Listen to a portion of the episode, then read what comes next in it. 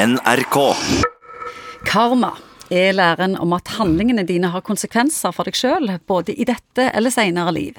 Vi hører ordet mye, og spesielt når det skjer noe dårlig, og vi føler at livet gir oss en slags hevn etter at vi har gjort noe dårlig. Psykolog Egon Hagen, tror du på karma, som i indisk forstand? Ja, jeg er ikke så himla gira på sånn eh, de der østlige begrepene, men jeg tror på at det er en sammenheng mellom hvordan vi lever livet vårt, og hvordan livet svarer tilbake igjen. Det tror jeg. Altså, du tror ikke at du kommer tilbake verken som konge eller rotte, men at det, handlingene dine får konsekvenser for et eller annet? Det tror jeg, og det, Ja. det tror jeg er et godt pedagogisk eh, prinsipp. Det er ikke alltid det er sånn. Noen ganger så er det jo slaure som får helt strålende liv. Ja.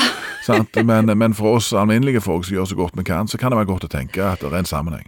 Kan vi si noe om i hvor stor grad valgene våre bestemmer hva som skjer med oss i framtida?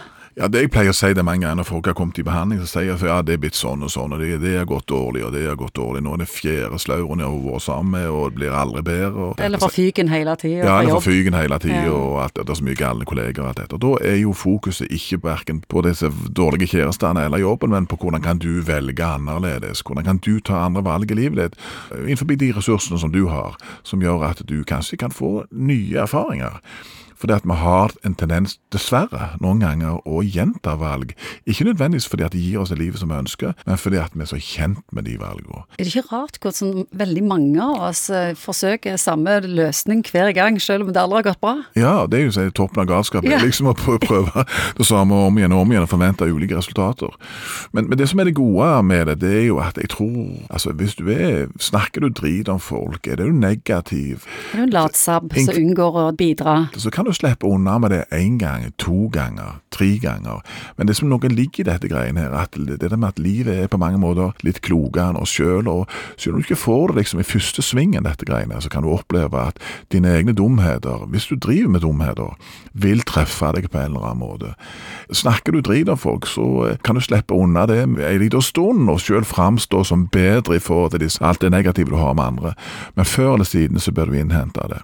For folk har jo da lært seg etter hvert at hvis du snakker drit om så mange andre, så snakker du mest sannsynlig drit om meg òg. Så det du sier, det er at en burde tenke litt mer på egne valg og egne handlinger. Ja, og, og at ting går i sirkel. Og, altså, Et godt liv begynner jo med å prøve å ta litt bedre valg. Tar du bare dårlige valg, eksempel, eller gjør du bare ting som er kortsiktige og i øyeblikket for å liksom føle deg bedre, så vil du oppleve at livet ditt kanskje blir dårligere. Jeg tror hele den her uh, What goes around comes around, det er en appell, kan du si. Det er noe i det. ja, tenk nå litt langsiktig. Er nå dette så lurt, da?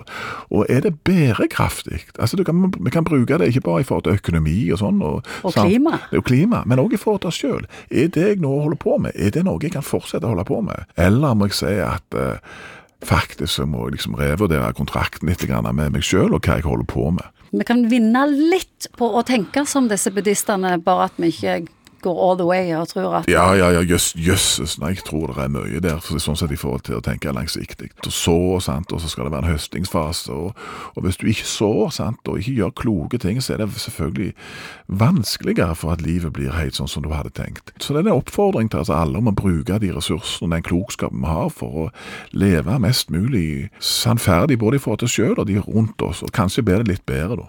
NRK.